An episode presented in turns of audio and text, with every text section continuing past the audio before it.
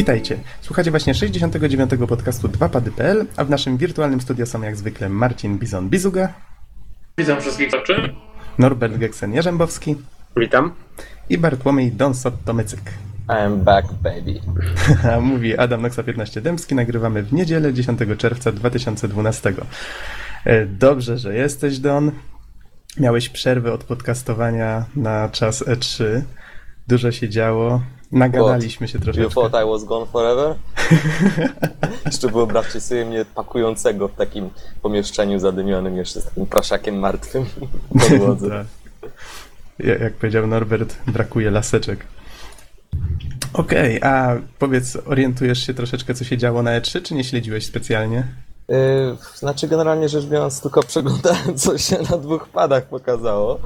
Ale ten, ale yy, mam świadomość, że jest jakaś nowa Castlevania, że jest Most Wanted nowe, że nowe informacje o Tomb Raiderze są, że była konferencja yy, z podziękowaniami od twórców Wiedźmina dwójki i chyba też tam dali jakieś nowe informacje, które najwyraźniej przespałem. No, ta konferencja akurat była przed, y, przed E3, tak samo jak Konami. Ale Nintendo w sumie to miało kilka nawet takich konferencji. Myślę, że dzisiaj powiemy troszeczkę o tej trzeciej. Wiem, że Norbert się orientuje w temacie. Oni najpierw w niedzielę przed targami trochę powiedzieli na temat Wii U, potem na targach tak trochę o tym i o grach i, i w sumie o wszystkim i o niczym, a z kolei potem o samych grach, ale to może Norbert później troszeczkę więcej na ten temat powie. Dzisiaj skupimy się na podsumowaniu tych targów i w sumie jeszcze może troszeczkę powiemy na inne tematy. Może się zmieści. Y, W każdym razie, może zacznijmy od jakichś takich newsów i mam dla Was taki dość. Mm, chociaż nie, może taki duży news na temat silników zostawię na później, bo myślę, że tutaj może się mała dyskusja mm, roz, tutaj rozwinąć. Y, W każdym razie, co ja tu mam? Na temat Watch Dogs. Ta gierka zrobiła spore wrażenie na nas. Pamiętacie, która to? Tak, ta, gdzie koleś mógł się wpinać w sieć e, miasta, no i w sumie nie tylko kować komputery innych osób czy telefony. No i jeszcze odrobinkę strzelanki do tego, no i mamy dość ciekawe połączenie. Mhm. Y, Niektórzy spekulowali, że gra wygląda za dobrze jak na obecną generację. No, ciężko powiedzieć. W sumie jak na PC-ty, no to nie I robiłaś wyglądał takiego- jak normalny silnik Assassina puszczony na PC bez, żadnych, yy, bez żadnej rewelacji. PC, prawda? Zdecydowanie PC. No właśnie. Y, Dlatego Ubisoft postanowiło rozwiać wątpliwości. Gra ma wyjść w 2013 roku na PC i konsole. Tak na Twitterze ogłosili. Czyli prawdopodobnie czyli prawdopodobnie Xbox 360 i PS3, chociaż, no wiecie, samo stwierdzenie konsole jeszcze tu o niczym nie świadczy, prawda? Ja ci powiem, że też właśnie czytałem takie spekulacje, bo dodatkowo w jakimś wywiadzie, nie tylko na Twitterze, Mhm. e, powiedzieli tak samo coś w stylu, no gra ukaże się na PC-ty i inne platformy, tak? E, Jakoś tak w każdym razie było to ujęte, no wiecie, nie mogą nic powiedzieć, bo na pewno mają embargo. Mm, Muszą milczeć i nawet gdyby mieli te, te devkity, to cisza, obowiązkowo. Mhm. No zobaczymy, zobaczymy. Bo mi się wydaje, że ta gra byłaby problem faktycznie, żeby pójść w takiej jakości, jeżeli to będzie faktycznie otwarta przestrzeń, otwarte miasto na obecnej generacji. No ale zobaczymy. No, Assassin's Creed teoretycznie też wygląda super, a działa. E, Kolejny news, który w sumie myślę, że wiele osób nie skojarzy tego tytułu. Nino Co za Ku- tytuł? W ogóle nie znam. E, Mówisz o tym poprzednim Watch Dogs? Nie. Nie, o tym O. Ja, ja go Don jeszcze nie powiedziałem. Ale ja go nie znam. Mm, Nino Kuni. Na pewno go nie znasz. Y, Tytuł jest japoński, oznacza, oznacza coś w rodzaju inny świat. I w sumie zdziwiłem się, że nie przetłumaczyli tego na angielski, bo chcę tu powiedzieć o angielskiej premierze tej gry. Dodali za to podtytuł Wrath of the White Witch i gra ma wyjść na PS3 y, 25 stycznia 2013. To jest bodajże europejska, tak, europejska premiera, zgadza się. Y, Grę tworzy Level 5 we współpracy ze studiem Ghibli, które, no tutaj bardzo uogólniając, jest traktowane trochę jak taki japoński Disney, więc to jest bardzo wysoka półka. E, Zwiastun wrzucę pod podcast, bo naprawdę warto zobaczyć. Taki baśniowy świat kreskówkowy. Zapowiada Mm. się taka dość nietypowa przygoda w Ja świecie bym- baśni. Ja bym jeszcze dodał, że oni mogli nie przetłumaczyć tego tytułu dlatego, że gra jest mocno japońska. I, bo oglądałem ten trailer i Mhm. wiecie, krótko mówiąc, lepiej, żeby trafiła do odbiorców, którzy są tego świadomi, że jeżeli lubicie japońszczyznę, tutaj ją znajdziecie. Jeżeli nie, nie lubicie, to lepiej omijajcie szerokim łukiem. Mhm. No, w sumie dobrze to ująłeś. Y, Co... Ja mogę jeszcze dodać coś od siebie, generalnie rzecz biorąc, Aha. bo ten, bo ja tam się na japońskim nie znam, ale zawsze z tłumaczeniem jest tak, mm, że nigdy nie przetłumaczymy dosłownie tego, co tam jest, y, co, co, co wyraża oryginalne słowo i może się okazać tak, że, e, że mimo wszystko ten oryginalny tytuł po japońsku ma troszeczkę inne znaczenie niż ten inny świat. Że pokrywa się w pewnym stopniu, w dużym stopniu się pokrywa, ale jednak Japończyk inaczej by to rozumiał, yy, a i my byśmy to inaczej rozumieli, gdybyśmy znali jakby to słowo oryginalne. Także Mhm. myślę, że to, to też może być yy, jakby no, w kategorii językowej to, to też może być powód. Albo po prostu stwierdzili, że może się to kojarzyć niektórym z grą Another World Chahiego. A może, może. Nie pamiętam dokładnie, jak się czytało jego nazwisko, ale to, to jest znany tytuł, taki klasyk, klasyk w pewnym sensie. E, Okej, co ja tu mam dalej? The Humble Indie Bundle 5, który rozpoczął się jeszcze przed targami E3, ale będzie trwał jeszcze 4 dni i naprawdę warto się nim zainteresować. Takiego bundla nie było od dawna, chyba się ze mną zgodzicie. Zacz, on ma w nazwie Indie, bo w pewnym momencie zrezygnowali, nie wiem Tak, czy... The Humble Indie Bundle 5. Aha, jednak. E, no to, to trzeba, znaczy to co bym zaznaczył teraz, o, chyba muszę się na chwilę wyciszyć. A nie, dobra, już jest spokój. W każdym razie to co warto U ciebie zaznaczyć, przyjechali. Tak, e, więc zaraz muszę się zmywać. E, Okej, to co warto zaznaczyć to, że dodali nowe gry. I to też w sumie gry nie, jakieś nie kiepskie, no bo kurczę, nie pamiętam teraz co tam było. I już mam przed sobą, to może wszystko przeczytam. Jest Super Brothers Sword and Sorcery EP. W to nie grałem, chociaż słyszałem, że jest dość oryginalna. Limbo, Amnesia The Dark Descent, Psychonauts, Bastion, y, który się dostaje za... A nie, tutaj cztery tytuły ostatnie, które wymienię. Bastion, Lone Survivor, Braid i Super Meat Boy dostaje się wtedy, jeżeli zapłaci się powyżej średniej. Tak, a jeżeli kupiliście bundla wcześniej, to wszystkie tytuły poza Bastionem, nawet jeżeli nie przekroczyliście średniej, macie w zestawie. Tak, zgadza się. Już w tej chwili kupiło ten zestaw ponad pół miliona osób. No widać, że się cieszy dużą popularnością. Ile Jeszcze- oni tam zarobili? Bo ja słyszałem, że ponad 4 miliony już dolarów. A zaraz sprawdzę. To ta, ojej, jej, jej, ta, 4 miliony 285 tysięcy i ciągle rośnie. No faktycznie, faktycznie. Ale, ale gry wybrali bardzo dobre, tak? Świetne. Więc, więc na pewno nie mało osób kupuje. Mhm. Dodali też soundtracki do tych gier. Przynajmniej tutaj widzę pięć To jest tak jak w każdym Humble Indie Bundle, nie? Tak? Są traki, tak, tak. O. Wydawało mi się, że wcześniej nie było. No to jak, jakbyś nie zwrócił uwagi, bo ja też zwróciłem właśnie uwagę przy tym dopiero, to Aha. okazuje się, że w poprzednich, jak sobie wejdziesz na swoje stare linki, to też tam są traki. Aha, o, to muszę się zainteresować w takim razie. Tu się bardzo cieszę z soundtracku do Psychonautsów. Między innymi.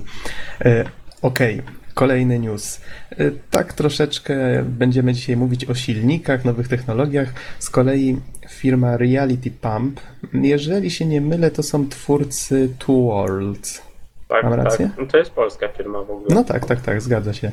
Y, I oni swój silnik o nazwie Grace 2, który jest w tej chwili w fazie beta, wypuścili na takich zasadach niekomercyjnych, czyli że każdy może go sobie ściągnąć, może sobie na nim pracować, uczyć się.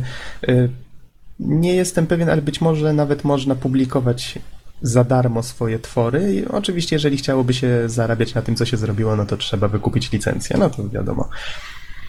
I no, to taka informacja może kogoś zainteresuje. Jak ktoś lubi sprawdzać różne silniki i się nimi bawić, to linka znajdzie pod podcastem. I teraz, panowie, może najpierw Norbert y, poddaj, co tam masz ciekawego z Nintendo Newsów i przejdziemy do tego grubszego newsa silnikowego. No ja wiem, w sumie moim zdaniem moje newsy są grubsze. Tak? No tak, no bo pierwsza Uuu. rzecz to e, nie do końca jakby jest to potwierdzone, ale jeden ze sklepów, Shop2, taką nosi nazwę, oferuje już preorder Wii U za cenę 280 funtów. Mhm. w przeliczeniu około 150 zł. E, tfu, 1500 zł. No już się zdziwiłem. Już E. chciałem kupować. Ja powiem wam, że cena moim zdaniem jest niezła. Jeżeli taka będzie końcowa, bo w sumie przykładowo, nie? Tutaj nie To będzie normalna zwyczajnie, po prostu cena jak za konsolę. Tak, ale o to chodzi, że jakby otrzymujemy nową konsolę, dopiero co wypuszczoną na rynek z możliwościami większymi niż obecne. E, przy czym, jeżeli chcesz kupić, nie wiem, Xboxa z Kinectem albo PlayStation z Move'em, to musisz się liczyć z wydatkiem około 1200. Więc Tak, tutaj tak, ale, z- ale z drugiej strony ja pamiętam jak kupowałem Xboxa w, w, właściwie w dniu premiery w Polsce, to Aha. kosztowało 1600 zł.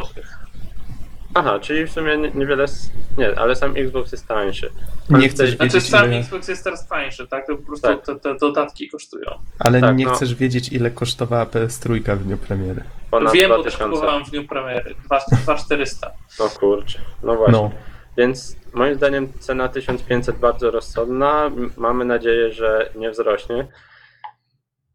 Ale to jest nie jest PlayStation 2, przepraszam, że się wtrącę, kosztowało 2,999 Ile? w Polsce. 2,999 w Polsce kosztowała. Ja I- wtedy się jeszcze nie interesowałem tematem, to wow. I nie zapominajmy, że wtedy wiecie, nie było jeszcze takiej infla- inflacji jak teraz, tak? Krótko mówiąc, wartość pieniądza była większa. Konsola po prostu kosztowała tragicznie dużo. Pamiętam jak dziś, jak poszedłem do Empiku, jak była premiera PlayStation 2 i po prostu zanim, zanim miałem, tak, 3000 zł kosztował PlayStation 2. Wow. No. Mm, Okej, kolejny news. Tutaj ciężko mi będzie tak by pokazać, mm, a czy omówić go, jeżeli nie zobaczycie obrazków. Na stronie Console Wars niemieckiej, Console- Console Wars DE dokładnie, ukazały się screeny porównujące jakość grafiki Wii U e, i PlayStation 3. W tym momencie chcę zaznaczyć, że Norbert jest fanboyem tak, tak. Nintendo. Nie, a- ale, ale ja, to jeszcze, ja to jeszcze podkreślę w sumie, no bo e, tak, tutaj grafika na Wii U wygląda faktycznie o wiele lepiej, ale są to screeny zrobione na podstawie trailerów z Game Trailers. Znaczy moim I no zdaniem wiecie- Norbert prawie wcale nie wygląda lepiej. No, jest minimalnie ostrzejsze są te Oj, screeny. znacznie, spójrze jest znacznie ostrzejsze. No, no mi się Em. nie wydaje. Wiecie co? Ja jednak nie opierałbym się na tych screenach zbyt mocno, bo to jest e, screen z, ze streamów. Ze Tak. streamu. Mało tego, że z filmików. To jest stream, który był puszczany na E3. To może być też, może totalnie mocno też naciągane, po to, żeby E, był roz- jakikolwiek szum. Rozmazane, inne tego typu rzeczy. Przecież te streamy, jak żeśmy oglądali, A To to one- są, zauważcie, są screeny jakby zrobione przy innych warunkach pogodowych na planszy, choć, Mm. chociaż kolorystyka, naświetlenia i tak dalej. Nie wiem, czasem jak oglądasz screeny z Xboxa i z PlayStation, czy chociażby Wiedźmin, PC i Xbox, to zupełnie inaczej wygląda też kolorystycznie. Yy, zaraz, więc- zaraz, mogę spytać, który screen to jest Wii U? Górny E, Wii U dolny? jest na dole. Krótko mówiąc, możesz spojrzeć po przyciskach. PlayStation ma kółka, krzyżyki po prawo, a Wii U ma A, B, guziki. No dolny faktycznie jest... moim zdaniem to, to może być zupełnie nie- nieobiektywne, aczkolwiek nie da się odmówić, że Wii U czeka no świetlana przyszłość z lepszym sprzętem w końcu. Będzie coś konkretniejszego na to Wii.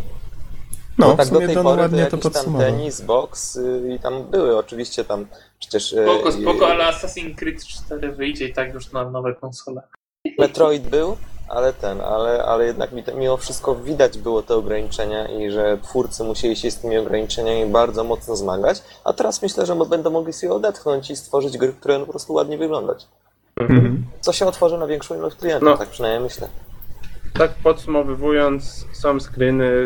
Ja też nie mówię, że one są obiektywne i stuprocentowo poprawne. E, Możecie A sobie sami politycznie są obejrzeć poprawne, tak? i, i, i wyrobić, zdanie, tak? Jak tam uważacie? Wiecie, jak mi się wydaje, że z tą grafiką mają jeden plus z tym Wii. Będą korzystać w miarę z technologii, która jest obecnie i będzie im bardzo łatwo już yy, na obecnym momencie wykorzystać bardzo dużo mocy tej konsoli, ponieważ te, te narzędzia, ten sprzęt będzie dość podobny, tak z założeniu, więc od razu możemy się spodziewać niezłych gier. Nie będzie tej takiej przepaści, myślę, która była na początku generacji Xboxa, tak? Yy, I tej różnicy, jaka jest w grafice pomiędzy teraz a początek generacji. Mm, Tylko widzisz, Bizonie, Hmm. wystarczy, że Nintendo popełni jeden błąd i w narzędziach coś będzie działało inaczej i te gry trzeba będzie jakoś przepisywać albo robić cuda niewidy i to wszystko pójdzie się. Więc Ale wiesz, to, to raczej jest kwestia tych silników, które są teraz uniwersalne, no niby do których tak. zaraz ja przejdziemy swoją drogą. Ale o tym też była mowa już wcześniej, że oni podobno współpracowali w przypadku tej konsoli z twórcami bardzo intensywnie, żeby łatwo się programowało. Mhm. Okej, w takim razie możemy przejść do tego newsa. Y, Mam tutaj takiego newsa na cdaction.pl, który, który nagłówek brzmi Targi aktem otwierającym przesiadkę na next geny. Tak twierdzi EA. I tutaj z Frankie, Frankiem Gibbeau, nie wiem czy Gibbeau, takie ma nazwisko, z EA Games przeprowadzono wywiad i on się wypowiedział, że to naturalne, że ten rok poprzedza wielkie zmiany. Tak samo było w przypadku przesiadki z PS2 na PS3 oraz pierwszego PlayStation na PS2. A Wii U jest tak naprawdę tylko pierwszym aktem otwierającym przejście na nowy cykl. W tym roku poznaliśmy jednak tylko pierwszą połowę tej historii. Dostaliśmy Wii U, ale brak było reszty tej opowieści, co może być trochę irytujące. Koniec cytatu. I tutaj wspomniał ponoć potem w tym wywiadzie, że mają już od 3 do 5 nowych serii szykowanych na konsole nowej generacji. To tym bardziej potwierdza, że Watch Dogs może być już przygotowywany właśnie na nową generację konsol. No tym bardziej, że właśnie Ubisoft się nie krył tym, że, że oni robią jednak te gry, tak? Na, na, choćby na to Wii U, nie? A nikt inny nie pokazywał. Mhm. Znaczy nie wiem, czy akurat No. nikt inny, ale, ale faktycznie oni się tym chwalili dość No mocno. ale jedyna konferencja, tak? No, Aha. na której. Poza tym dość się mocno się przepletały w niektórych momentach te konferencje, prawda? Y, Ubisoft chyba odwiedził Nintendo, dobrze pamiętam? Na konferencji. Mm, chyba tak, ale to, to jeszcze pogadamy o tym przy podsumowaniu może. Okej. Y, W każdym razie zapytano też Johna Carmacka z id Software. I on wypowiedział się w ten sposób. Nie chcę przewidywać niczego na 5 lub 6 lat w przód, ale następna generacja powinna wystarczyć na długi czas. Granie na konsoli może się zmienić. Z pewnością granie w chmurze zostanie wbudowane do każdego urządzenia z ekranem, przez co tradycyjne konsole mogą stać się taką niszą dla audiofilii, osób, które chcą ekstremalnych doświadczeń. Koniec cytatu. No tutaj taki, takiej od Johna Carmacka, ojca wielu technologii. Tak, i Taka wypowiedź. Ja się z tym zgadzam. Wyobraźcie sobie, jakby zaorał przykładowo Steam, gdyby w tym momencie z, z, wprowadził usługę, która pozwala wam na strumieniowanie każdej gry, którą macie na koncie. Mhm. Kurczę, możecie sobie, nie wiem, tak jak to jest teraz robione, możecie sobie grać na urządzeniu powiedzmy z Androidem, nie wiem czy z, czy z iOS-em też to działa, możecie sobie podpiąć pada pod konso- od konsoli przez Bluetooth i strumieniować na przykład z, z OnLive'a grę. To mówiąc grać w jakąś stacjonarną grę na telefonie. Dobrze, to są prognozy na 2036 rok, a Nie, teraz nie. wracamy do współczesności. Nie, to wbrew pozorom może być znacznie bliżej niż nam się wydaje. Okej, ale Don, chcesz wracać do współczesności? Proszę bardzo. Square Enix pokazało w tej chwili na E3 swój nowy silnik, nad którym pracują, nazywa się Luminous. To dziwne, że w sumie zaczęli pracować nad jakimś swoim nowym silnikiem po tym, jak e, kosztowało ich to tyle nerwów i pieniędzy przy okazji Finala 13. No ale widać, że są efekty. E, Pokazali demko technologiczne, które się nazywa e, Agnis Philosophy. Robi wrażenie grafika faktycznie generowana w czasie rzeczywistym, co zostało udowodnione na takiej dodatkowej prezentacji, na której ruszali kamerą, zmieniali na przykład brodę e, takiemu jednemu staruszkowi, który się tam w jednej scenie pojawia, czy tam kolory różnych elementów. Mm, Więc widać było, że to faktycznie jest generowane w czasie rzeczywistym. No na pewno na jakimś potężnym pececie. I no oczywiście demko jest ładnie wyreżyserowane i to co najważniejsze jest takiej jakości jak do tej pory były na przykład prerenderowane filmiki w, w grach od Square Enix. Więc to jest faktycznie... No, może bez przesady. Ale i tak jest. Mi się wydaje, że tak tak. Mhm. pewno, na pewno jest co najmniej bardzo dobrze, tak to ujmijmy. I tutaj cały czas trzymamy się oczywiście teraźniejszości. Te, to demko technologiczne Unreal Engine 4, które zostało pokazane chyba z miesiąc, mogę się mylić, ale no jakiś czas przed E3 zostało zaprezentowane prasie. Teraz dosłownie w czwartek zostało y, pokazane już publice. I hmm, no co tu dużo mówić. Y, Jak żeśmy patrzyli na jakieś takie pierwsze screeny, które tam ukradkiem pokazywano w różnych miejscach, to żeśmy mówili, że niby, kolokwialnie mówiąc, dupy nie urywa. No ale to też wygląda tak, jakbyśmy przenieśli prerenderowane filmy nagle do renderingu czasu rzeczywistego. Widzieliście te, to demko i, i, i pokaz narzędzi? Tak, myśmy o tym mówili nawet na którymś podcaście. Nie, nie, o, Nie, nie. Tu wszystko jest nagrane, to jest filmik. Tak, I to To w jest- każdym bądź razie na jednym podcaście już dłuższy czas temu, to, to wtedy kiedyśmy mówili o właśnie tej technologii wyświetlania nieskończonej ilości detali. Właśnie też wspominaliśmy o tym, że, że, że faktycznie podłączało się aktora do aparatury e, i wtedy e, jego ruchy automatycznie były przenoszone do, ten, do, do rzeczywistości wirtualnej i jakby w czasie rzeczywistym się go tam filmowało. Mm, Znaczy, A w tej też- chwili dwie rzeczy połączyłeś w tej chwili, bo ta technologia z nieskończoną ilością detali to było coś innego i to, o czym mówisz, to był CryEngine bodajże. No tak, tak, tyle że właśnie wspominam, że mówiliśmy o tym, a potem mówiliśmy o tym, żeby po prostu wam zaświeciło, kiedy o tym Mhm. mówiliśmy. ale to, to jakby trochę inny temat. W każdym razie, wracając do tej pokazówki Unreal 4, to znaczy no na pewno wygląda to ładnie, tak? E, pytanie właśnie, ile tam jest wyreżyserowane? Na przykład ta lawa. Czy ona naprawdę, nie wiem, jest jakaś wbudowana fizyka płynów? Czy, czy to jednak była reżyserka? E, Z tego co się orientuję, na przykład jak tam spadają fragmenty ścian i to się rozpada na kawałki, te bloki, to jest wspierane przez silnik Fizyczny. Fajnie. Mhm. i to wygląda naprawdę porządnie. No nie wiem, nie wiem. Ja chciałbym zacząć grę na tym, bo to jednak filmik nie, nie oddaje tego. To znaczy, to co widać na filmiku, to przede wszystkim możliwości związane z konstruowaniem cutscenek, czyli głębia ostrości, mamy tutaj światło rozchodzące się w, no, w dość realistyczny sposób na obiektach, na, widać, że obiekty są są, znaczy cię- ciężko określić, jak, jaka jest złożoność siatki, oczywiście.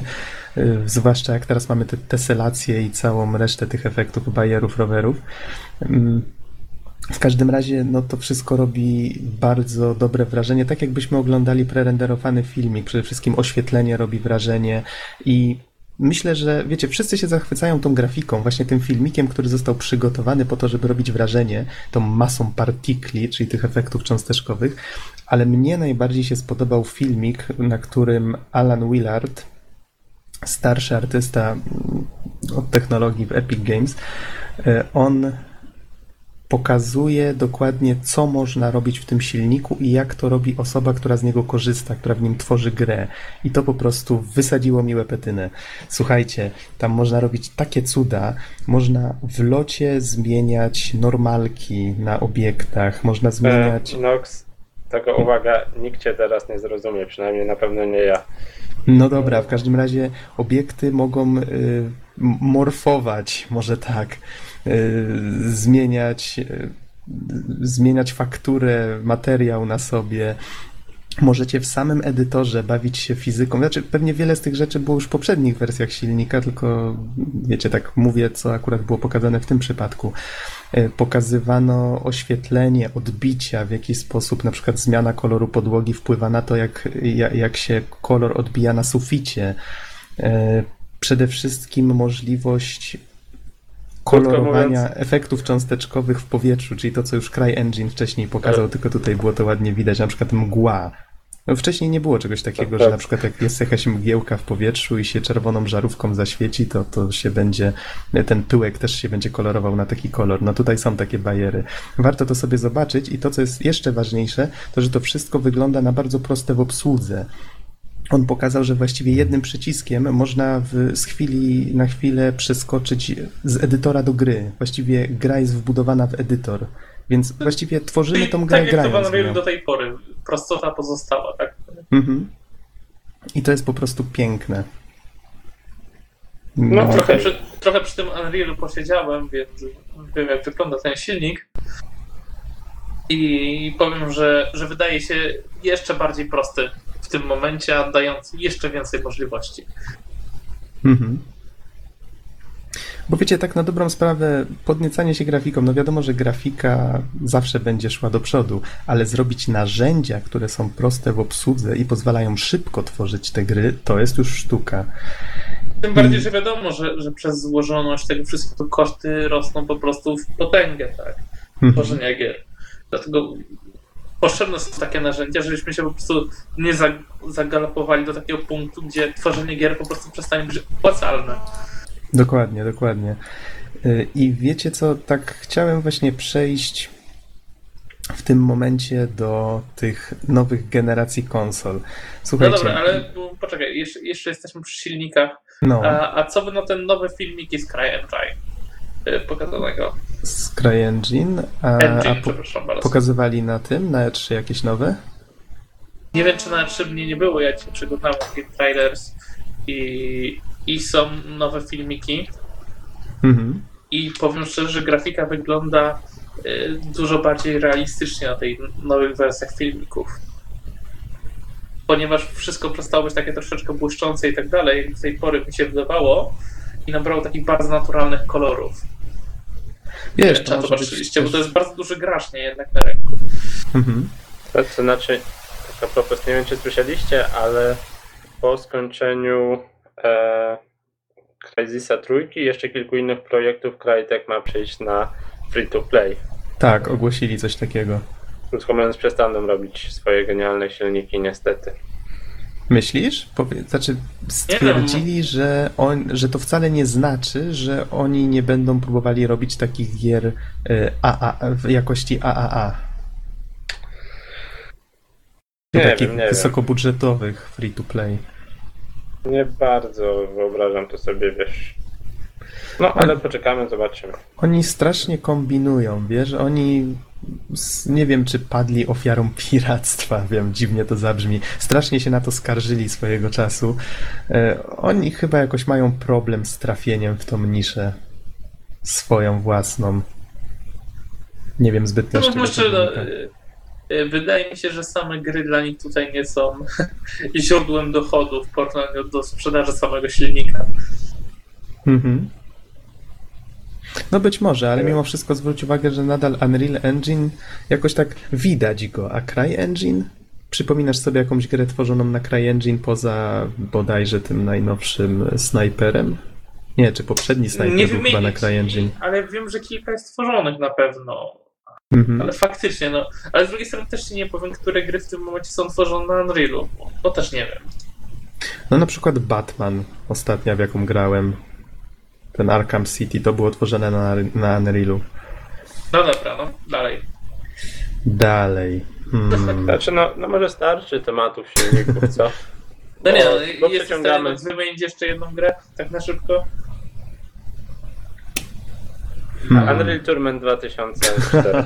No tak, no to wiecie, to tak trochę poplątały. Jest, jest kilka tych silników wiodących. Yy, Bardzo ważny jest ten Frostbite, na którym wiecie, opiera się cała Electronic Arts właściwie teraz. Mhm. Dobrze, dobrze widać, że w ciągu ostatniego roku, że generalnie komuś chce inwestować w te silniki i dzięki temu zyskają wszyscy, tak? Zyskają twórcy ze względu na prostotę i zyskają gracze ze względu na wygląd tego wszystkiego. A, a który z silników będzie najlepszy, no to, to już jest tam mniej istotne. Ważne, żeby gry wyglądały fenomenalnie, tak? I były coraz lepsze. Chciałem teraz poszukać listy gier stworzonych na tym silniku, ale myślę, że to nie jest punkt tej dyskusji.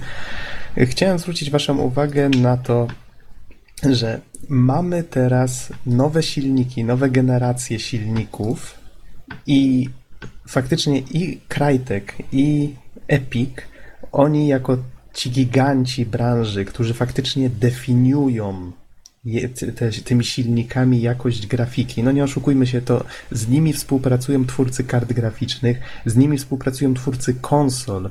Gdzieś czytałem chyba nawet jakiś artykuł w CD Action dawno temu na temat tego, że do Epica przyjechał y, nie wiem, czy Bill Gates, no, ktoś odpowiedzialny w każdym razie za Xboxa i mu, rozmawiali z nimi na temat, słuchajcie, mamy pomysł na sprzęt, i co możecie na niego zaoferować, jak możecie pomóc nam go rozwinąć, nie? I oni pokazali im demko Gearsów, z kolei potem y, pokazali im drugie demko Gearsów, mówiąc, słuchajcie, jeżeli dorzucicie drugie tyle ramu do tej konsoli, to to będzie wyglądać tak. I oni wtedy, ooo. I tak się stało. I tak się stało. Więc... I, I się śmieją w internecie, że Gears of War był najdroższą grą w historii.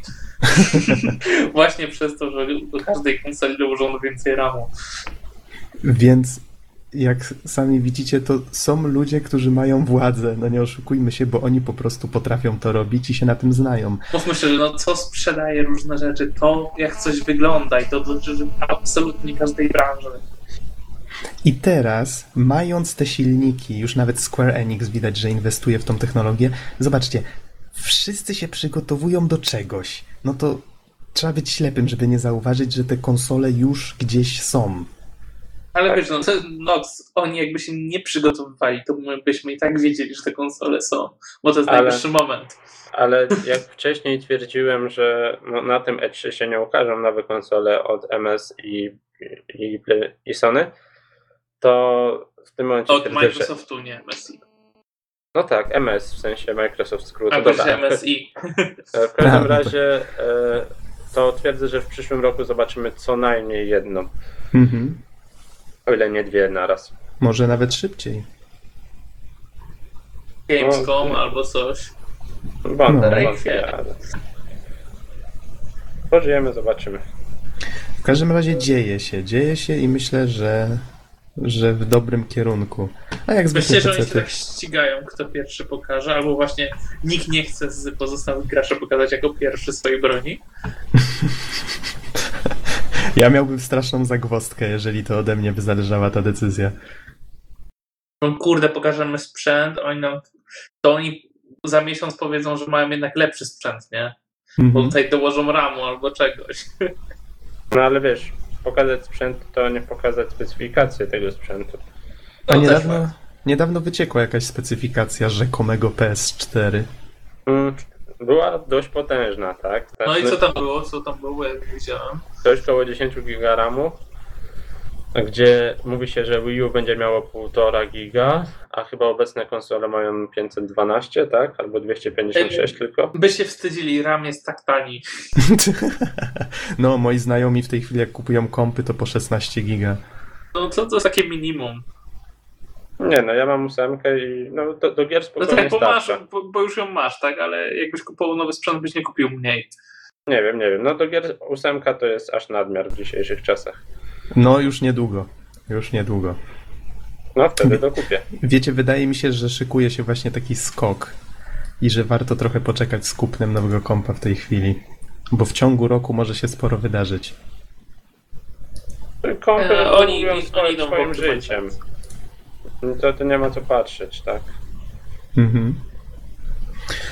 No dobrze.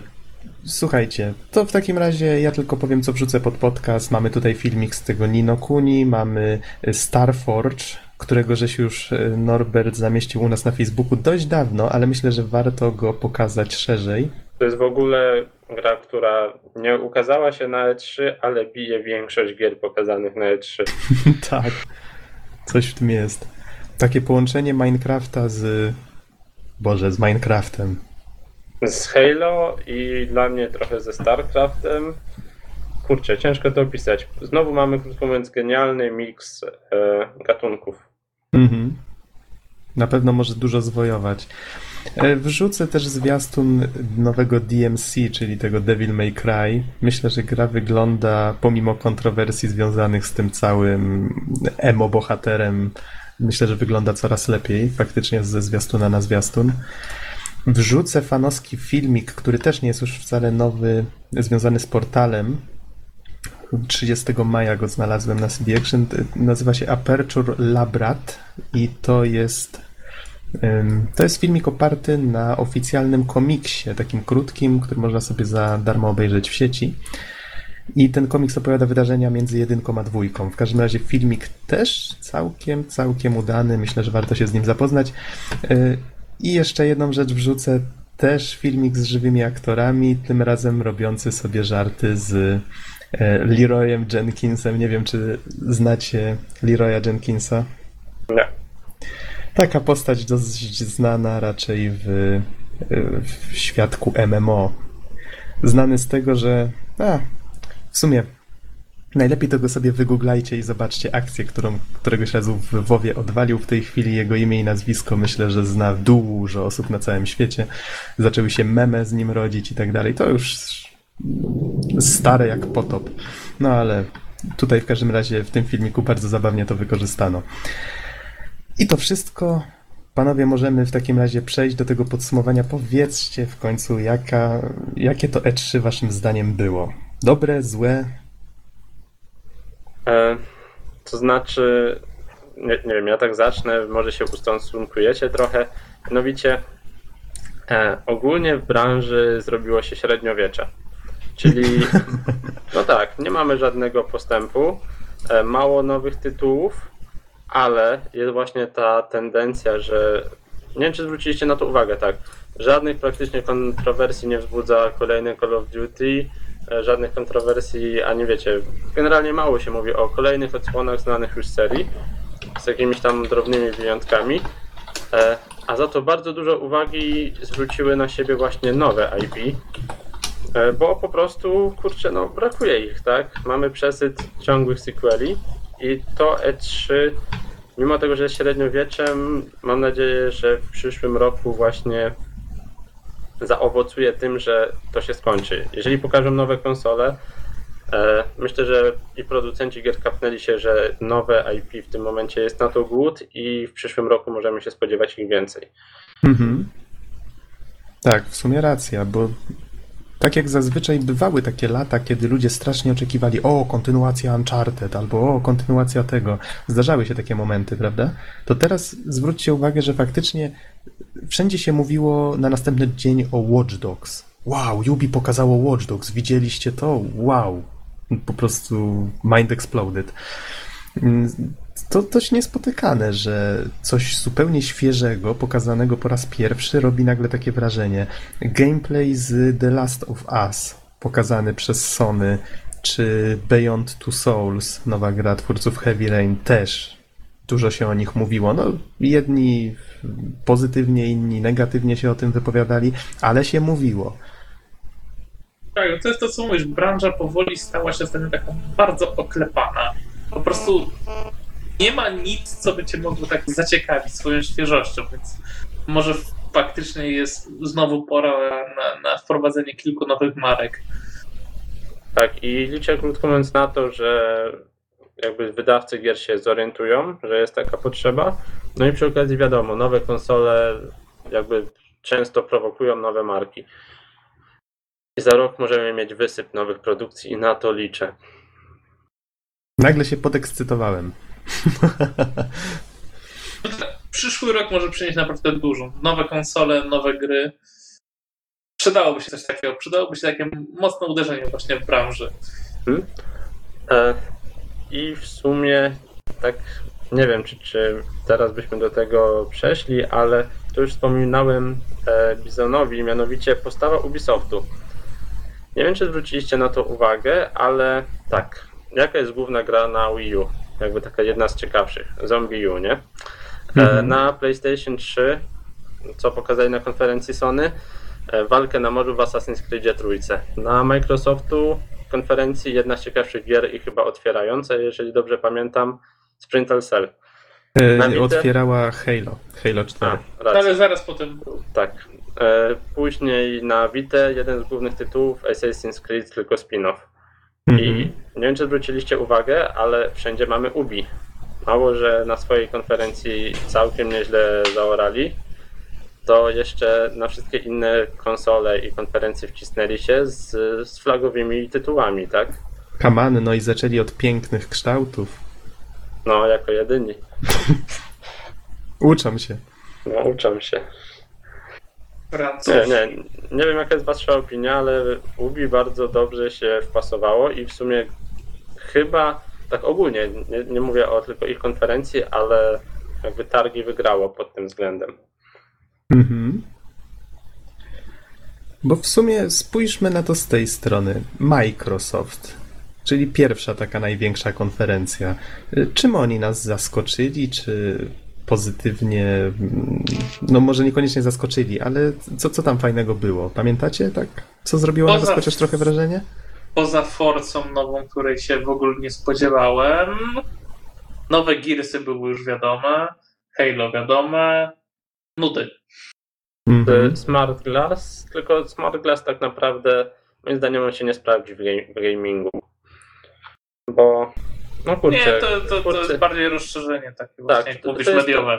To jest takie twórce, mm, takie no, multimedialne rozszerzenie, coś czego Microsoft pokazał bardzo dużo, ale twórcy nie będą wydawać, wiecie, ogromnych ilości kasy na implementację jakichś funkcji, którą wykorzysta raptem kilka procent graczy. Które Mhm. akurat będą miał tablet. Tak, tablet albo telefon, ale wiecie, tutaj mamy różne rozdzielczości, różną wydajność tych urządzeń, więc chyba też będzie dość ciężko o jakieś bardziej zaawansowane funkcje w tych, tych sprzętach. Ja sobie otworzę zaraz ściągawkę w postaci naszego bloga. I co my tutaj mamy? Najpierw to tam CD Projekt i Konami, to pomińmy, bo to nie były konferencje 3, Nintendo przed y, konferencja w niedzielę, ta O, ich to- internetowa. Y, Z kolei tak, potem mieliśmy Microsoft i Electronic Arts. Electronic Arts już żeśmy w sumie się zgodzili, że to raczej był taki po To prostu znaczy- pokaz. Znaczy pokazali dobre tytuły, tak? Tylko wszystko stare marki, przez co może mało mało jakby kontrowersji. No ale wiecie, fajnie, że będzie nowy Crysis, fajnie, że będzie nowe SimCity, które bardzo fajnie się zapowiada. I ogólnie okej. Ale Szału nie zabrakło- zrobili, ale porządnie. No właśnie, zabrakło jakiegoś takiego e, show na zasadzie. No wiecie, targi E3 wiele osób kojarzy właśnie z tym, że to ma być show, że to ma robić wrażenie, że to ma No. zapadać w pamięć. A Electronic Arts podeszło tak, wyszło skromnie na scenie. Wiecie co, mamy dla was 10 gierek, popatrzcie sobie, fajnie, że jesteście. I sobie poszło. Tak, zgodzę się. Mogli zabrakło chociaż na koniec na przykład zostawić niespodziankę w postaci, chociażby już, żeby nie wprowadzać żadnej nowej marki, to nie wiem, no Mirror's Edge 2 nagle, na sam koniec, nie? Albo wiecie co, wystarczyłaby głupia, nie wiem, tapeta, tak? Z logiem gry. Jakiejś nowej, coś. Wiecie ile byłoby szumu? Nawet więcej chyba niż gdyby pokazali gameplay. No, możliwe, możliwe. E, No ale zgodzę się, że nie zrobili po prostu show. Była rzetelna prezentacja kolejnych Taka 10 prasówka tytułów. totalna. Tak, tak, dokładnie. O Ubisoftie już żeśmy rozmawiali, było dużo rzeczy, było w miarę zabawnie. W sumie, kurczę, Ubisoft co roku zatrudnia inną osobę do prowadzenia tego show, czasami bardziej, czasami mniej żenującą. E, W tym roku jeszcze Tobaskusa zaprosili, który ja go osobiście poznałem, y, znaczy nie osobiście, w, sieci on się produkuje ze swoimi filmikami, jest dość znany ze swoich śpiewanych zwiastunów. Znaczy bierze jakiś zwiastun i y, dośpiewuje do niego y, ja- jakąś treść. To, to nie jest ten, co zrobił ten zwiastun do Skyrima, taki fajny. Y, Nie wiem, ja po raz pierwszy się z nim zapoznałem właśnie na zwiastunach Assassin's Creed'a. I, I dlatego on mi się niejako kojarzy z Ubisoftem, więc jak go zobaczyłem na tej konferencji, to ja pana ziemi. Y, Więc no w sumie tak, tak, no ciekawie było. Ubisoft co roku stara się zrobić właśnie ten wspomniany show. No, raz im to Tak. wychodzi lepiej, raz gorzej. Ale przynajmniej zapada to w pamięć. Z kolei Sony. y, Jak oceniacie konferencję Sony? Masa Mm, dobrych gier, oj masa. O ja wiem, e, sporo osób skrytykowało ich za Vita. Brak nowych tytułów, jakichś takich, Tak. wiecie, na jest zapowiedzianych. w sumie tylko Assassin's Creed i chyba oni dalej popełniają ten błąd, który już wcześniej wspominałem z Vitą, że owszem, wychodzą na nią gry, ale wychodzą te same, które są na stacjonarnych konsolach, więc jeżeli gracz z PS3 spojrzy, że dobra, mogę kupić grę na Vita albo na PS3, no to kupię na PS3, no bo jakby jest pełniejsze doświadczenie, tak, niż na przenośce. Mhm. Przez co brakuje oryginalnych tytułów na Vita i tutaj też tego nie, nie załatali. Chociaż tak jakby na to spojrzeć, tak jak mówisz, zwróć uwagę, że gdyby ktoś miał projektować na Vita, na konsolę, która już ma całkiem niezłe możliwości, choć y, mam informację, że wcale nie takie mocne jak najnowszy iPad. Czy No nie wiem, wiesz, ciężko takie rzeczy porównywać. E, To Więc znaczy, akurat ja nie, nie z własnego doświadczenia, tylko rozmawiałem, byłem na wykładzie, który prowadziła osoba, która miała możliwość testować te rzeczy e, na narzędziach deweloperskich. Nie będę tutaj podawał szczegółów, w każdym razie. I co, i po, powiedziano ci, że, że iPhone ma większą wydajność od, od Vity? Któreś, któreś z urządzeń Apple'a ma większą wydajność od Vity. Ta osoba strasznie skrytykowała Vitę, że jak na tak reklamowany sprzęt jest bardzo słaba. Znaczy, no tak, y, graficznie możliwe, że faktycznie ten procesor w nowym iPadzie, który napędza tą olbrzymią retinę, y, może być mocniejszy. Mhm. Nie wiem. Bo, bo, bo tam jest jednak rozdzielczość 2000 na bardzo małym ekranie, w bardzo małym przenośnym urządzeniu i, i te gry działają tam, wiecie, mega płynnie, tak? W każdym razie, wiecie, ten to jest, procesor graficzny może być szybki. w każdym razie, wiecie, to jest informacja, która przede wszystkim dewelopera interesuje, prawda, a nie, a nie końcowego odbiorcę. Znaczy, ja wam powiem tak, gry na Gicie wyglądają ślicznie. Odpaliłem w tym tygodniu Uncharted, y, demko jeszcze raz, nie mam, nie mam cały czas pełnej wersji i uważam, że wygląda prześlicznie, jak na przenośną konsolę. Mhm. Tak i no wiesz, może i faktycznie ma na przykład y, potężniejszy procek, ale Vita pewnie działa w niższej rozdziałce i ma mniejszy ekran, nie? No i... No, tak, tak, to- ja to- to właśnie, jest- właśnie myślę, że z, te, z tego właśnie wynikła różnica, nie? Z tej Ja rozdzielczości. właśnie, dlatego ja bym się wstrzymał z takimi mi- porównaniami, bo one są często zupełnie nieadekwatne do tego, jakby co To ile co tam widzi. punktów jakiś tam sprzęt wybije w jakimś tam benchmarku, to Tak. nie, nie jest zupełnie adekwatne do tego, co zobaczymy na ekranie. I wiecie, jeszcze jest jedna rzecz. Ja zacząłem ostatnio, pożyczyłem. Kurczę, mnie się ciągle mylą nazwy tych cholernych Apple'owskich urządzeń. E, iPoda. małego iPoda, tak. I zacząłem grać na nim y, w końcu w Shantae Risky's Revenge od WayForward, no bo No. mam najstarszą wersję DS-a, więc nie mogę ściągać tego z, z DSiWare. Więc stwierdziłem, czemu nie? No i kupiłem tam bodajże dwa dolce, to kosztowało, więc co mi tam? 7 zł. Y, Bardzo fajnie się gra, tylko kurczę, te przyciski, brak przycisków w platformówce. Ja jestem człowiekiem, który się wychował na przyciskach i to, on, to musi być. A tego tam nie Zabijanie, ma. No kurczę, słuchaj, to, to jest takie frustrujące. Człowiek chce być precyzyjny. Te gry są trudne, one wymagają precyzji. A Tak. na ekranie to jest. Ach, jeszcze Ja też próbowałem grać w kilka gier po drodze nad morze.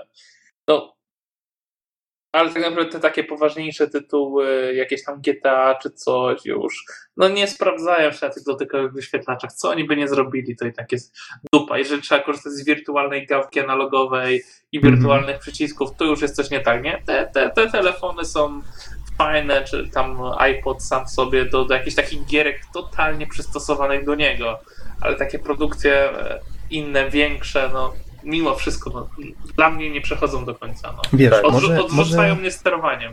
może inaczej. Da się grać, fajnie, że można, bo widzisz, ja nie mam innej możliwości na innym sprzęcie, więc super, tylko że no, nie jest to komfortowe, ale myślę, że wrócę do tego jeszcze, jak będę recenzował tę grę. E, To ja bym tak jeszcze dodał tylko od siebie, że ja właśnie też miałem, wiecie, okres, że grałem na telefonie, po czym kupiłem właśnie 3DS-a. No bo, no kurczę, właśnie to nie to, krótko mówiąc. Brakuje tych przycisków i w zaawansowanych bardziej grach, no boli. Mhm. Okej, Ubisoft, Sony. Wiecie, ja na temat konferencji Sony y, tutaj to jest zupełnie kwestia gustu. Mnie konferencja Sony podobała się, myślę, bardziej od Ubisoftu tylko i wyłącznie dlatego, że faktycznie ten Beyond został pokazany, że pokazano The Last of. The Last of Us, które po prostu mnie zmiotło. Nie mówię tu o grafice, po prostu to, jak ta gra żyje swoim własnym życiem, to było piękne. Nie, te, te dwie gry też zdecydowanie bardziej mnie kupiły od całej konferencji Ubisoftu, która i tak no była dobra, ale te dwie gry jakoś tak najbardziej Ubisoftu? zapadły mi w pamięć. Mhm. Z Ubisoftu najbardziej pamiętam Far Cry'a trójkę i, i Watch Dogs. I to według mnie te dwie konferencje faktycznie były najsilniejsze, najmocniejsze i y, w moim prywatnym odczuciu troszeczkę bardziej podobała mi się, znaczy, jak mówię, to nie jest kwestia podobać, nie podobać, po prostu bardziej moim sercem byłem bardziej z Sony. O, może tak to ujmę. Mm. Ale Ubisoft jest zaraz na drugim miejscu.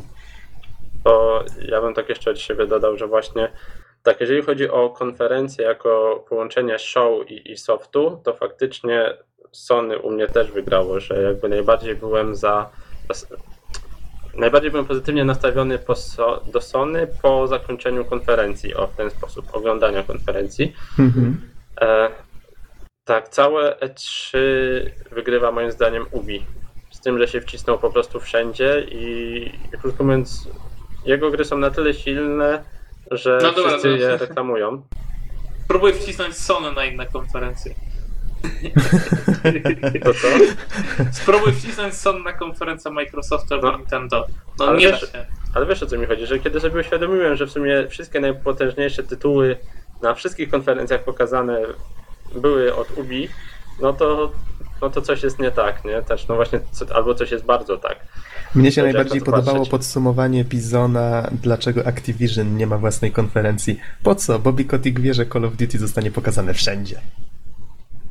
A, no z tym też się troszkę e, pokazywali. Coś jeszcze miałem. A, a jeżeli chodzi o Nintendo, kurczę, jak tak patrzę, wiecie, mam wypisane te tytuły, tak? Wszystkie możliwości Wii U, ale nie zrobili show.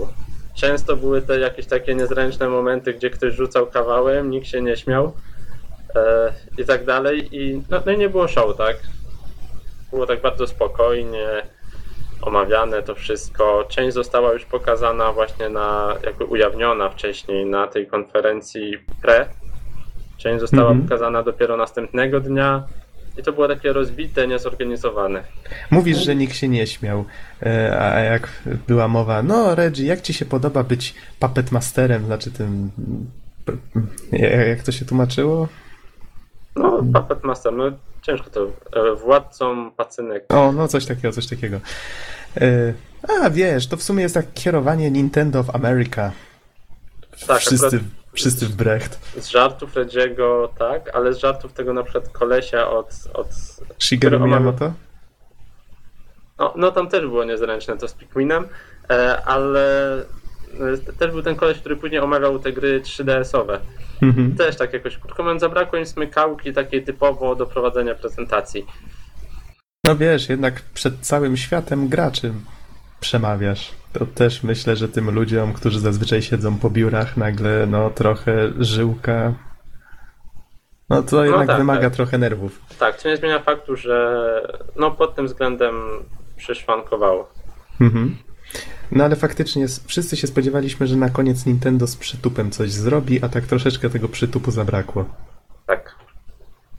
Został on trochę też rozłożony na te trzy konferencje, bo po obejrzeniu Nintendo Direct, tego pre, byłem bardzo, bardzo, bardzo pozytywnie nastawiony. Wiecie, jeszcze później, właśnie, powiedz, co ciekawego pokazywali na tej dzień później konferencji? Czy to nie była w sumie konferencja chyba? E, nie, to była konferencja, tylko taka no już Aha. mniejsza, tak? Nie na tej głównej sali. E, no to była ona nastawiona tylko i wyłącznie na gry 3DS-owe, gdzie pokazali Luigi's Mansion Dark Moon. Została usunięta dwójeczka z tytułu, wstawiono pod tytuł Dark Moon. E, no w sumie ciężko mi tą grę omawiać. Do każdej gry było pokazane tak około, nie wiem, minuta, dwie gameplayu. E, nie grałem w poprzednią odsłonę, ciężko mi jakby ocenić ile z tego będzie fanu, ale na pewno sobie gierkę sprawię jak wyjdzie. E, prócz tego pokazano Paper Mario Sticker Star. No, to już wiem, że ta gra będzie po prostu orać i wymiatać, bo w poprzedniej odsłonie było genialnie, tej na Nintendo 64. Mm, Pamiętam, że w ogóle mnie tam dziwiło, bo postacie nie mówią. W sensie są tylko napisy, ale te napisy są poukładane w taki sposób, wiecie, czcionka dobrana, trzęsąca się, większa, mniejsza, że jakbyśmy słyszeli to postacie mówiące, dosłownie. Innymi słowy, i- chmurki komiksowe wyrażają emocje. Tak, i to wyrażają ich więcej niż niejeden aktor często. Mhm. E, I jeżeli tutaj będzie podobnie, gameplay na pewno będzie podobny, plus te pomysły z naklejkami, e, więc będzie co najmniej dobrze, mierzone świetnie i bardzo, bardzo dobrze. Poczekamy, zobaczymy. E, Prócz tego New Super Mario Bros. 2. E, Z takich ważnych rzeczy to całą kampanię będzie można przejść w koopie, we dwie osoby. Kolejna fajna sprawa, aczkolwiek nie wiem, tutaj no mamy kolejnego New Super Mario Bros. Niestety niczym się poza tym, tą dużą ilością złota nie wyróżnia. Mhm. Z tym złotem też są jakieś związane funkcje street passowe, że będzie można się ścigać z innymi, tak porównywać swoje wyniki, ile tam złota zebrał na danym etapie. Czyli E, jak, ro- jak rozumiem, Nintendo ogólnie pokazywało te same gry, które pokazywało na konferencji, tylko że tak trochę dokładniej. Tak, tak, sporo dokładniej. Prócz tego oczywiście Castlevania, Mirror of Fate, e, Mhm. Epic Mickey, Power of Illusion, które moim zdaniem wygląda źle. Nie wiem, spory był hype na tą grę z różnych stron, ale ona wygląda jak gra na DS-a, a nie na 3DS-a. Scribble Now Unlimited. Tutaj będzie rozterka, którą wersję wybrać, 3DS-ową, czy może wersję na Wii U. E, No i Kingdom Hearts 3D. Mhm. No ja tutaj oczywiście Castlevania mnie najbardziej interesuje. Widziałem wywiad już na ten temat. Twórcy sporo mówią na temat tego, że to ma być, że oni tą swoją wizję serii chcą zamknąć e, w tych trzech grach, czyli Lords of Shadow, Mirror of Fate i potem Lords of Shadow 2. I już wiadomo, że Lords of Shadow 2 wyjdzie w 2013, że na jesień będzie właśnie Mirror of Fate. No i w sumie na temat fabuły też już wiadomo coraz więcej. Tak w sumie śledzę temat na bieżąco i, i myślę, że faktycznie to będzie dla mnie motywacja, żeby kupić tego 3DS-a na jesień. Bo gierka zapowiada się fajnie. No i przede wszystkim będzie kontynuacją historii, historii z Lords of Shadow, a No właśnie, no mam do akurat... Ciebie takie pytanie. Mhm. Ile wyszło części Castlevanii? O Boże, to tak jakbyś mnie zapytał, kilkanaście. kilkadziesiąt, za dwadzieścia, no tak, no, nie mówię, żebyś dokładnie mówił, ale tak mniej więcej.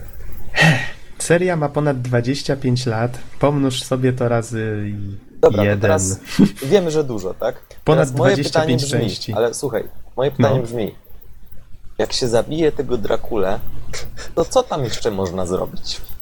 Znowu go zabić. No, znowu go zabić. O to chodzi, że o, on się już Su- w tylu różnych formach. Słuchajcie, to jest właśnie o to chodzi, że wielu fanów narzekało, ale prawda jest taka, że jak Hiszpanie namówili Konami, żeby zrobić to Lords of Shadow, to oni w końcu dali tej serii jakąś konkretną fabułę.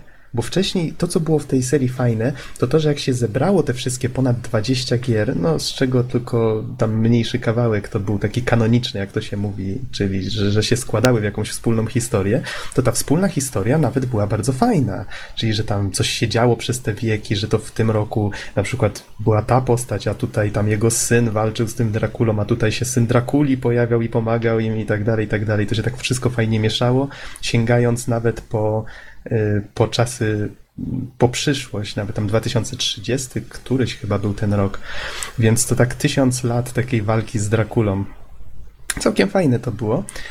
Tylko, że Hiszpanie pokazali, że potrafią zrobić lepszą fabułę w jednej grze, a teraz robią dwie kolejne, które mają podsumować całą tą historię. To ma być jedna taka zgrabnie zebrana całość.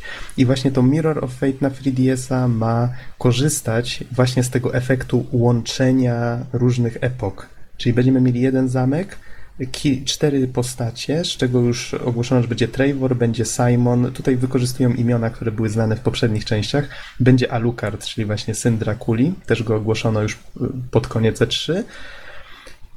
I właśnie to, co będzie fajne, to to, że każda z tych postaci będziemy każdą z nich kierować w trochę innej epoce. Czyli będziemy obserwować, co się z tymi postaciami dzieje, no bo wiadomo, jedna nie może przeżyć tam konkretnego okresu czasu, prawda? No człowiek nie żyje 200 lat. Chyba, że jest wampirem. No, więc oni, oni jakby wykorzystują ten efekt, żeby opowiedzieć fajną historię. Jestem bardzo ciekaw, co im z tego wyjdzie. Chciałeś o coś zapytać, Don? No to myślę, że już Mniej więcej rozwiałeś moje wątpliwości. Zapraszam cię w każdym razie na swoją Czyli co, stronę. kolejne pokolenia się zabijają, tak? Tak, jak, jakbyś był zainteresowany serią, to zapraszam na swoją stronę. Tak, człowiek A zabił wampira A, ale wampir A się odrodził w wampira B, człowiek A miał syna B. I ci znowuż wampir, wampir B i człowiek B też ze sobą walczyli, ale mało tego. Tam wampir B miał kuzynę wampira C, który też miał swoje dzieci. I tak dalej, ze 30 części. Całe szczęście żaden z tych wampirów nie błyszczy w słońcu. No, tego by jeszcze brakowało. A tak to w sumie, tak, tak, w sumie się zgadza. Okej, panowie, to żeśmy, ło, żeśmy wszystko obgadali, czyli rozumiem, że Ubisoft i Sony najbardziej nam się podobały, tak? Tak uogólniając. Chyba. Czy chcecie coś, jeszcze jakiś temat związany z E3 poruszyć? No bo ludzie kojarzą E3 z konferencjami, oczekują, że to, co jest na konferencjach, to jest w sumie wizytówka E3, a tak na dobrą sprawę tam się dużo innych rzeczy działo. Pojawiały się zwiastuny różnych gier mm, na stoiskach, mm, zapowiedzi różnych nowych tytułów też, tylko takich mniejszych A. oczywiście. Ja chciałem opowiedzieć o konferencji, która wygrała moje E3. No, Bo- proszę bardzo. Bo nie mówiłem, że wygrało ani Sony, ani Ubisoft, w sensie nie, nie, nie, nie całe E3, bo e, później jakoś, nie wiem, koło czwartku chyba, miała miejsce konferencja Paradoxu. E, Paradox Interactive to taki wydawca e, gier m, współpracujący z takimi średnimi studiami, czasem małymi. Stworzyli takie serie jak właśnie Magica, jak Mountain Blade, jak Majesty, Mhm. i jeszcze kilka innych. I to, co było najlepsze, to w międzyczasie była jakaś inna duża konferencja. E, Nie pamiętam kogo dokładnie. W każdym razie na tej konfie było około 150 osób. E, Oglądały ją na żywo, bo było tylko jedno źródło licznikiem. E, Co chwila na początku rozłączało, tak. Generalnie masa problemów technicznych. E, I tak, wiecie, najpierw odpaliłem ją w ogóle, kurczę, co jest? Gra sobie ktoś w jakąś grę, tak? Coś tam komentuje, a spoko, pewnie się jeszcze nie zaczęło. No i tak minęło ze 20 minut, włączam, no znowu ktoś gra w jakąś grę, coś komentuje. Ale patrzę, że tam na czacie obok coś tam gadają, tak? No i tak się bardziej zainteresowałem. I to, co było właśnie najlepsze, tak? Po tych kilku rozłączeniach, dobra, coś jak już ogarnąłem, e, wbiłem na ten czat. Okazało się, że e, można tam sobie po prostu na luźno z tymi twórcami pogadać, tak? Oni kręcili do kamerki, komentowali grę, nie wiem, coś tam komentowali, w tym momencie ty się pytałeś na tym czacie, ej, słuchajcie, a jak to działa w tej grze? I Mhm. oni ci w tej konferencji mówili, nie, o, ktoś pyta, czy o, ten koleś pyta o to, o to, więc to działa tak i tak. E, też zapowiedzieli, wiecie, jakieś tam inne tytuły, wyjaśniali różne fajne sprawy. Na przykład jeden z tych kolesi odszedł od jakiegoś dużego wydawcy, nie pamiętam teraz dokładnie którego, przeszedł do Paradoxów, bo właśnie podobał mu się tutaj klimat. I właśnie to, co było genialne w tej konfie, to, to, to klimat, no bo można było z nimi pogadać, jak można było się popytać o gry, e, jak to będzie wyglądać w przyszłości, tak, popatrzeć na to, co w tym momencie mają w asortymencie. No i nie wiem, jakoś ten, po prostu, że to nie była taka kolejna konfa, tak, gdzie po prostu jesteśmy biernym odbiorcą, tylko można było w niej naprawdę pouczestniczyć. E, Twórcy, tak jak mówię, żywo reagowali na to wszystko e, i się tym przejmowali. To, to było po nich widać zresztą. E, No to było genialne. Naprawdę. Polecam. Nie wiem, czy w przyszłym roku to też tak będzie wyglądać. Wiadomo, to może być zorganizowane tylko przy pewnej ilości osób. Jeżeli będzie ich za dużo, no to nie wypali. Mhm. Ale tutaj było to genialnie zrobione. A mówisz, że 150 osób było u nich na sali, czy oglądało Nie, nie, nie. stream? Oglądało stream, sala, nie było żadnej sali, bo to było robione w ogóle, wiesz, z ich biura, Aha. gdzie tam przechodzili w międzyczasie na przykład ktoś przy, popijając kawę. E, znaczy w pewnym momencie dobiło aż do 300, ale no ale generalnie wiesz, mała konferencyjka, można to tak ująć Mhm. I bardzo, bardzo sympatyczna. E, No i w sumie tyle, tak, jeżeli chodzi o tą konferencję. Tak jak lubiłem ich gry, bo są trochę inne, nie są takie e, jak reszta, tak, nie tylko shootery. E, No to teraz jeszcze bardziej się tylko w tym utwierdziłem, że krótko mówiąc, żeby sprawdzać tego wydawcę, bo może być więcej ciekawych tytułów. No popatrz. I nie wiem, tak się jeszcze zastanawiam, czy podsumowujemy jakby Wii U jako konsolkę, bo ja sobie obejrzałem jeszcze raz tego Nintendo Directa, tego przedkonferencyjnego, bo konferencja mi się nie podobała, tak jak mówiłem. Widzę, że faktycznie sumie- napaliłeś się na ten sprzęt. Tak, tak, bo jak się dowiedziałem jeszcze jaka jest cena i sobie jeszcze raz mówię, przejrzałem wszystkie możliwości tego sprzętu, to jest tego sporo. Mianowicie mamy tego Miiversa, gdzie możemy sobie, wiecie, tam wrzucać. Znaczy, nie wiem, czy mamy na to czas. Czy robimy podsumowanie krótkie? Znaczy, w tej chwili mamy godzinę 5 minut, więc No, masz to jeszcze parę minut. możemy. To jeszcze mogę się trochę pocieszyć, tak? E, korekta dla wszystkich, którzy się będą wkurzać, to są słowa fanboya napalonego, więc e, możecie to przepuścić przez jakiś filtr. Ale mamy tego Miiversa, który tak naprawdę fajnie integruje e, serwisy społecznościowe w, nasze, w naszą konsolę. E, Nie wiem jak wy, ja nie lubię spamować na Facebooku swoich znajomych, którzy niekoniecznie grają jakimiś informacjami o grach bo to się mija z celem i tylko może ludzi denerwować. Tutaj mamy jakby nasze małe zamknięte środowisko e, z takim Twitterem, co jest fajne. W każdym momencie gry możemy zapauzować podobno tą grę i zamieścić nowy status właśnie na, na tym tym nowego tweeta, gdzie można zamieścić dodatkowo obrazek z gry albo nasz rysunek, dodatkowo opis. E, Więc fajna opcja. Mm, To, co jest jakby w niej tak rewolucyjne, a co Nintendo nie powiedziało, to e, mi się podobało na przykład grając Minecrafta, że mogę sobie z kimś pogadać, omówić różne rozwiązania i podejrzewam, że tutaj nawet grając w singla, poprzez zamieszczanie tych różnych rzeczy, wiadomo z pewnym unikaniem spoilerów, będzie można sprawić, że single nabierze takiego trochę innego wymiaru, takiego odrobina dodania multi, w moment, że nie czujemy się sami, że gramy, tylko że poprzez rozmowę z innymi o tej grze e, mamy ten feeling, że o kurczę, taka jakby odrobina multi, ciężko to, to opisać, nie? Takie, że nie jesteśmy forever alone grając w tą grę, o może tak. e, no tak. Co tam jeszcze? E, fajnie zrobiło Nintendo, że jest kompatybilność wsteczna, wszystkie moje pady i akcesoria do Wii zostaną. E, A moje pady można- do SNESa? I NESa?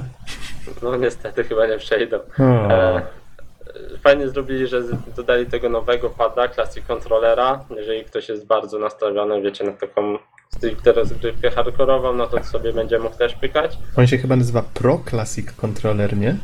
No tak, Co, dokładnie coś, tak. coś w tym stylu. Słowo E. Pro jest kluczem. Kolejna bardzo fajna rzecz e, to chociażby pierdoła, tak? Regulacja głośności i pilot z poziomu pada. Nie wiem jak was, jak u was, ale ja na przykład kupując sobie klawiaturę do komputera, który mam podłączone do telewizora, jednym z głównych kryteriów było właśnie to, żeby była ta regulacja głośności, no bo wiecie, tutaj sobie pykam, pykam i nagle chcę podgłośnić, przyciszyć, to nie potrzebuję szukać w tym momencie pilota do telewizora, tylko sobie mogę przyciszyć z poziomu e, klawiatury i to samo będę mógł zrobić przy pomocy pada od Wii U. E, Mhm. Dodatkowo nawet już nie będę musiał szukać pilota, żeby włączyć telewizor, bo będę miał wbudowany pilot w, w swojego pada, nie? Więc to, to są takie głupoty na pierwszy rzut oka, ale no usprawniają, zdecydowanie usprawnią jakby posługiwanie się konsolą. Dodatkowo wiecie, to, że nie musimy się kłócić o telewizor, jeżeli ktoś ma taki problem, tylko może sobie przenieść rozgrywkę gdzieś indziej e, przy pomocy grania na tablecie. To jest fajny pomysł, mnie się to bardzo Tak. podoba. E, Coś, o czym też w sumie wcześniej nie pomyślałem, to NFC. Oprócz figurek, teraz bardzo popularne są te płatności kartą zbliżeniową. Że kojarzycie, że wystarczy przeciągnąć sobie kartą koło czytnika, no i już jest zapłacone. Ja nie wiem, dlaczego z moją kartą to nie działa. Bo to trzeba sobie kartę niestety wymienić, ale w każdym razie, jeżeli pad będzie miał to wbudowane, to wyobraźcie sobie, nie wiem, że chcecie sobie kupić grę w e-shopie, bo chyba tak też będzie się tam nazywał i zamiast, wiecie, tutaj wpisywać numer karty kredytowej, czy logować się na Paypola, czy jeszcze inny sposób, przeciągacie sobie swoją kartą płatniczą koło tego czytnika NFC, dam zapłacone, nie? Mhm. Więc kolejna bardzo fajna możliwość wykorzystania. Do tego dochodzą rozmowy wideo, które no, są fajnym dodatkiem. Jeżeli są wideo, no to wiadomo, że konsola zwykłe rozmowy też pociągnie. nie będzie trzeba dzwonić jakoś osobno na Skype'ie czy coś. W sumie z Donem tak gramy czasem, że ja dzwonię na Skype'ie i, i gra osobno, no ale w przypadku konsoli często tak się nie da. E, bo była mowa o graniu na PC-cie.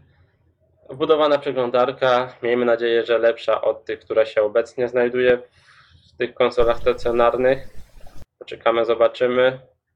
Pięć kontrolerów naraz to też kolejny faj, fajna sprawa, no bo Wii jest konsolą imprezową. Przynajmniej u mnie nie ma imprezy. Tak, jeżeli odpalać co, jakiś sprzęt na imprezie, to tylko Wii, krótko mówiąc, w chwili obecnej, bo wspiera cztery pady te gry są takie odpowiednie, tak to ujmę. Potwierdzamy. E, Hello Bizon- Kitty. No, Hello Kitty.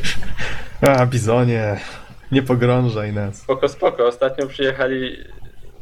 Nie wiem. Dobra, w każdym razie ostatnio przyjechała pewna grupka znajomych i, i było co? Co włączamy? Hello Kitty, jep. I wiesz, po pijaku wszyscy Hello Kitty grają. No. E, no i Co dziwne, świetnie się bawią. Tak, naprawdę. Ciachanie drewna for the win. Tak. Coś miałem. A, no i tutaj mamy pięć padów, więc pięć osób naraz i jeszcze więcej fanów. E, czyli, krótko mówiąc, Wii U zachowuje swój imprezowy charakter. Dodatkowo jest małą przenośną konsolką względnie w porównaniu z PlayStation i Xboxem, więc będzie ją można wrzucić w plecak. Gorzej może trochę z padem. Mhm. E, no i tak, jeszcze takie przemyślenia odnośnie Glassa, to co już mówiłem wcześniej, że ludzie mówili, że wow, Microsoft zaorał Nintendo przy pomocy swojego nowego projektu, ale to tak nie będzie działać niestety, bo jak mówiłem, nie każdy będzie miał taki tablet, nie każdy będzie miał ewentualnie taki telefon, specyfikacje będą się różnić, na pewno nie wycisną, krótko mówiąc, nie, nie będzie to pełne sterowanie w grze, no bo pad jest osobno, ten sprzęt jest osobno. Może być to co najwyżej jakiś miły, drobny dodatek. Nic więcej z tego Mówisz, niestety. mówisz teraz o Microsoftie? Tak, tak. Tylko zwróć uwagę, tak jak mówisz, że będzie dodatek, ale specyfikacja tutaj raczej nie ma nic do tego, bo to będzie streamowane bezpośrednio do tego urządzenia. Bardziej według mnie ma znaczenie to, że tak jak wspomniałeś, to jest dodatek, bo przecież nie mogą wymagać, aby każdy, kto ma konsolę Xbox, miał też jakiegoś, jakieś urządzenie tego typu, więc nie będzie można, znaczy będzie można zrobić taką grę, tylko kto ją kupi, prawda? Która będzie wymagała takiego urządzenia. Z kolei Ale- na Wii U każdy wie, że kto ma Wii U ma też ten kontroler. Ale specyfikacja ma też znaczenie, bo rozmiar ekranu czy rozdzielczość ekranu Mhm. e, wymusza zupełnie inny interfejs i tutaj się chyba ze mną zgodzisz. No tak, tak. Gdybyś, gdybyś chciał przenieść, nie wiem, tak jeden do jeden coś z, z telefonu, z, wiesz, coś, co się sprawdza na małym ekraniku, na tablet, to te guziki byłyby nienaturalnie duże. E, Albo nienaturalnie małe. Tak, w przypadku transformowania w drugą stronę, nie? Więc to, to jest problem. I tak jak mówię, to będzie tylko dodatek, no bo kilka procent osób będzie posiadać odpowiedni sprzęt, plus nie zawsze będzie mieć go włączonego. Wiesz, gdybym ja miał- korzystać.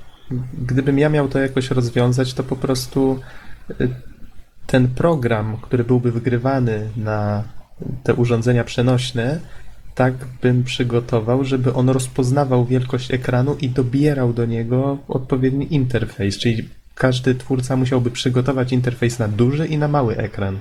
I one by były jakby dwoma osobnymi interfejsami, które by się Tylko- dobierały w zależności od potrzeb. No spójrz, że tak patrząc po telefonach, tak? Mhm. Teraz się granica zaciera, no bo masz przykładowo telefon 3,5 cala ekran, masz i 4 cale, masz i 4,5, masz nawet i 5, no i już w sumie od 6 zaczynają się najmniejsze tablety. Więc ciężko tutaj też jednoznacznie wskazać, który interfejs zastosować i twórcy musieliby programować dwa interfejsy co najmniej. No myślę, że dwa to tak, tak. To by była rozsądna ilość. No ale jednak wiesz, utrudnienie. Mhm. No. No i w sumie za to Wii U coś, o czym nikt nie pomyślał, może zastąpić e, tą funkcję Glassa, no bo możemy wyświetlać przy jej pomocy, e, przy pomocy Wii U e, filmiki na, na telewizorze, czyli każdy telefon, coś co było reklamowane, że e, przepraszam, nie telefon, że każdy telewizor jesteśmy w stanie zamienić w Smart TV Mhm. To Wii U też jest w stanie to robić, bo jest w stanie wyświetlać filmiki na nim, jest w stanie e, wyświetlać strony internetowe. No tylko i nie ma tej, oszukujmy się, ma kurtynę. tak, ma kurtynę. Nie ma tej opcji, że możemy zestrumieniować sobie mm, coś z telefonu na telewizor nie będący Smart TV. I ma werble. Tak. Czego więcej No do szczęścia brakuje. Nagadałem się, e, ale taka jest jakby moja wizja na Wii U. Więc tak, jeżeli grafika nie zawiedzie, to, to będzie bardzo, bardzo fajna konsolka z masą usprawnień, których nie ma w tym obe- w tej chwili na, na żadnej innej konsoli w sumie. Mhm. Okej, panowie, w takim razie kończymy. Y, Gdybyście mieli tak w, w sumie nie tyle w jednym zdaniu, co bardzo krótkim, y, w bardzo krótki sposób określić, co faktycznie was nakręciło na, na tych E3 faktycznie na przyszłość. Taka jedna rzecz. Może wymieńcie jedną rzecz krótko, zwięźle. Norbert, wiem, że Wii U, tak? Tak, Wii U i takie, taka cisza przed burzą, tak to bym nazwał. Coś, co się będzie działo za rok na targach. Mhm. Don, masz coś takiego? Yy, powtórz pytanie. E, Czy coś na tych targach E3, cokolwiek w sumie nakręciło cię na przyszłość, także będziesz e, patrzył, czy coś faktycznie, mm, znaczy będziesz obserwował to coś, wiesz, oczekiwał tego w przyszłości. Tak, krótko zwięźle. Yy, Na pewno nowe gry, jakieś nowości, tak jak mówiłem, Tomb Raider, Most Wanted.